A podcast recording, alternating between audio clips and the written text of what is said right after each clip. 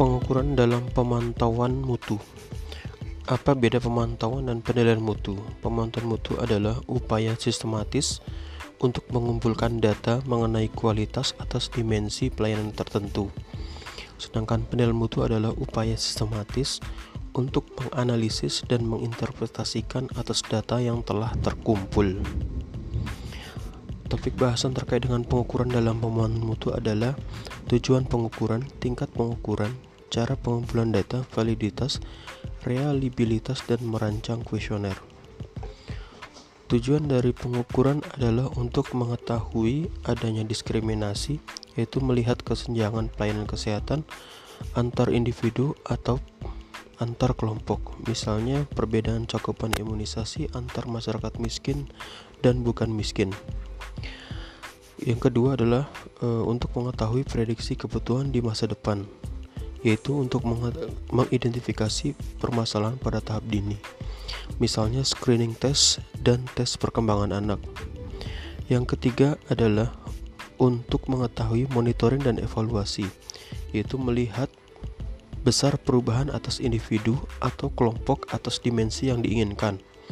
Misalnya, mengetahui efektivitas dari proyek HP4 dalam peningkatan kualitas pelayanan kesehatan. Skala pengukuran yang pertama adalah skala nominal. Skala nominal adalah tingkat pengukuran terendah yang terdiri dari identifikasi sistematis dan labeling kelas atas objek atau peristiwa tertentu. Misalnya jenis kelamin, International Classification of Disease atau ICD. Kemudian yang kedua adalah skala ordinal yaitu terdapat perbedaan antara kelas tetapi tidak dapat menentukan seberapa jauh antar kelas. Misalnya tingkat kesakitan. Sakit bisa parah, sedang, ringan.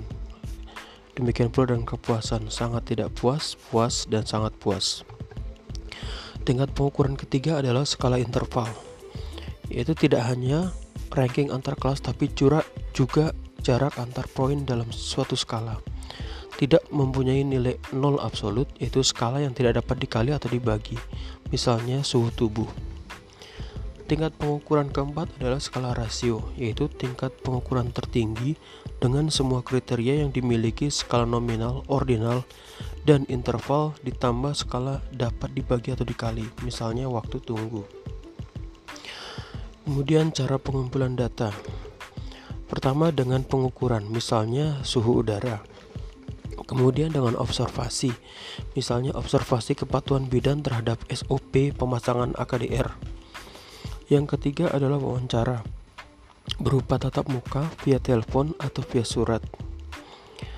Bahasan selanjutnya adalah validitas, yaitu adalah tingkat di mana instrumen mampu mengukur apa yang ingin diukur efek dari non-random error atau kesalahan sistematik. Validitas terbagi menjadi validitas muka atau face validity, validitas isi atau content validity, validitas kriteria atau criterion validity, validitas construct atau construct validity. Kita bahas satu persatu. Validitas muka atau face validity adalah Validitas muka menunjukkan sejauh mana suatu instrumen tampak pada permukaan mampu mengukur kualitas variabel yang diinginkan. Validitas muka mempersoalkan kemampuan item pertanyaan suatu alat ukur untuk dipahami atau ditafsirkan dengan benar oleh subjek penelitian. Contoh pertanyaan: Berapa menit yang Anda perlukan untuk pergi dari rumah ke puskesmas Lebak Wangi? Pertanyaan tersebut akan dapat dipahami oleh responden yang mengerti tentang konsep waktu dengan baik. Validitas isi Validitas isi merupakan sejauh mana suatu instrumen mampu mencakup semua substansi penting dari domain variabel yang hendak diukur. Validitas isi meliputi dua komponen yaitu relevansi isi atau content relevance dan cakupan isi atau content coverage. Substansi variabel dapat saja berubah sepanjang waktu jika alat ukur tidak diperbarui atau diupdate untuk menyesuaikan perubahan itu. Maka, alat ukur akan kehilangan validitas isi seiring dengan perjalannya waktu. Validitas ketiga yaitu validitas kriteria atau criterion validity. Validitas kriteria menunjukkan sejauh mana suatu alat ukur berkorelasi dengan alat ukur yang dianggap sebagai standar emas atau gold standar. Kesehatan biasanya dibandingkan dengan orang yang sehat. Validitas kriteria didapat bila pengukuran tersebut lebih praktis, lebih ekonomis, dan lebih cepat memberikan hasil.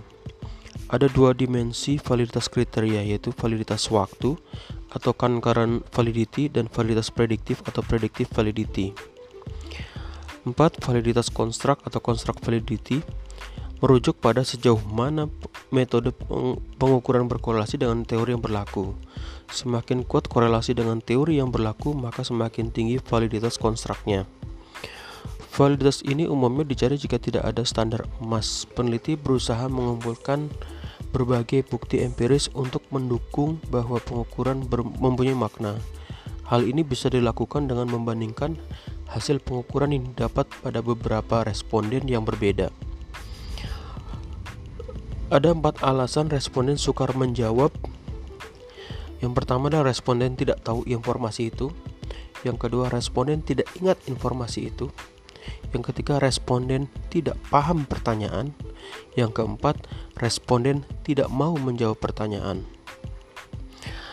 Reliabilitas Reliabilitas adalah reproducibility, repeatability, konsistensi, stability adalah tingkat di mana suatu instrumen memberikan hasil yang sama jika digunakan berkali-kali pada populasi atau fenomena yang tidak berubah atau unchanged pada situasi yang berbeda.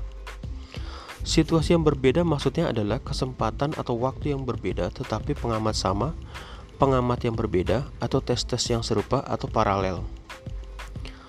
Jenis-jenis reliabilitas yang pertama adalah test retest reliability, yang kedua adalah iterator reliability. Pertama, test retest reliability diukur dengan menerapkan pengukuran pada populasi yang sama, namun diukur pada saat yang berbeda, tapi dengan kondisi yang sama.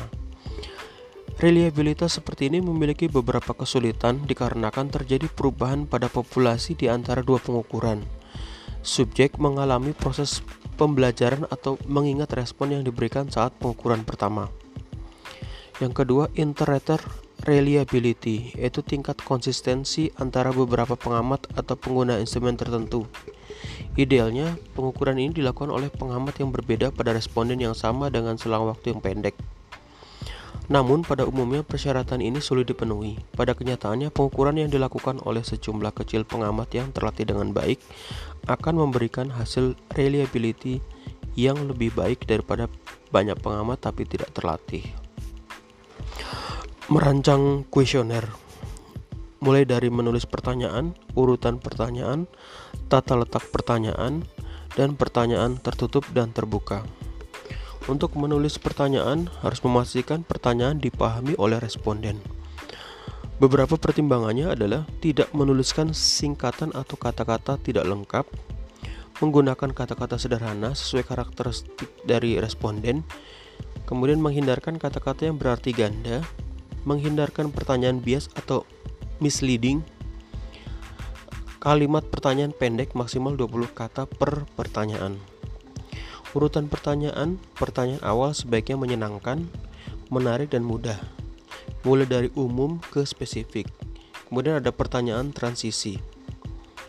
Tata letak pertanyaan ditulis dengan huruf yang mudah dilihat dengan jelas, tidak banyak halaman, tanda yang jelas untuk pertanyaan jumping, kemudian pertanyaan bersifat self-explanatory.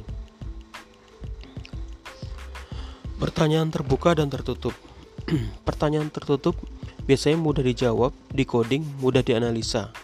Responden sulit mengekspresikan perasaan. Sedangkan untuk pertanyaan e, terbuka, responden bebas menjawab. Klasifikasi jawaban dari potensi bias subjektif. Respon rate biasanya rendah. Demikian e, sebagai latihan buat instrumen kuesioner untuk mengukur keramahan petugas. Buat instrumen daftar tilik untuk mengukur waktu tunggu apotik. Misalnya dari sisi keramahan petugas, seberapa sering petugas menyapa, misalnya mengucapkan apa kabar ketika melayani bapak ibu, selalu, sering, jarang, atau tidak pernah. Kemudian seberapa sering petugas memberi salam, misalnya mengucapkan selamat pagi ketika melayani Bapak Ibu? Selalu, sering, jarang, tidak pernah. Kemudian e, pertanyaan selanjutnya, seberapa sering petugas tersenyum ketika melayani Ibu? Selalu, sering, jarang, atau tidak pernah. Misalnya daftar tilik e, pada hari atau tanggal, misalnya hari Jumat tanggal 20 Maret 2020 tempatnya misalnya di puskesmas e, Kebayoran Baru misalnya pengamatnya adalah saudara Omes nama pasiennya e, kemudian waktu mulainya waktu selesainya misalnya mulai saat pasien menyerahkan resep dan selesai pada saat petugas memanggil pasien untuk mengambil obat mungkin itu yang bisa kami sampaikan terkait dengan pengukuran dalam pemantauan mutu. Terima kasih.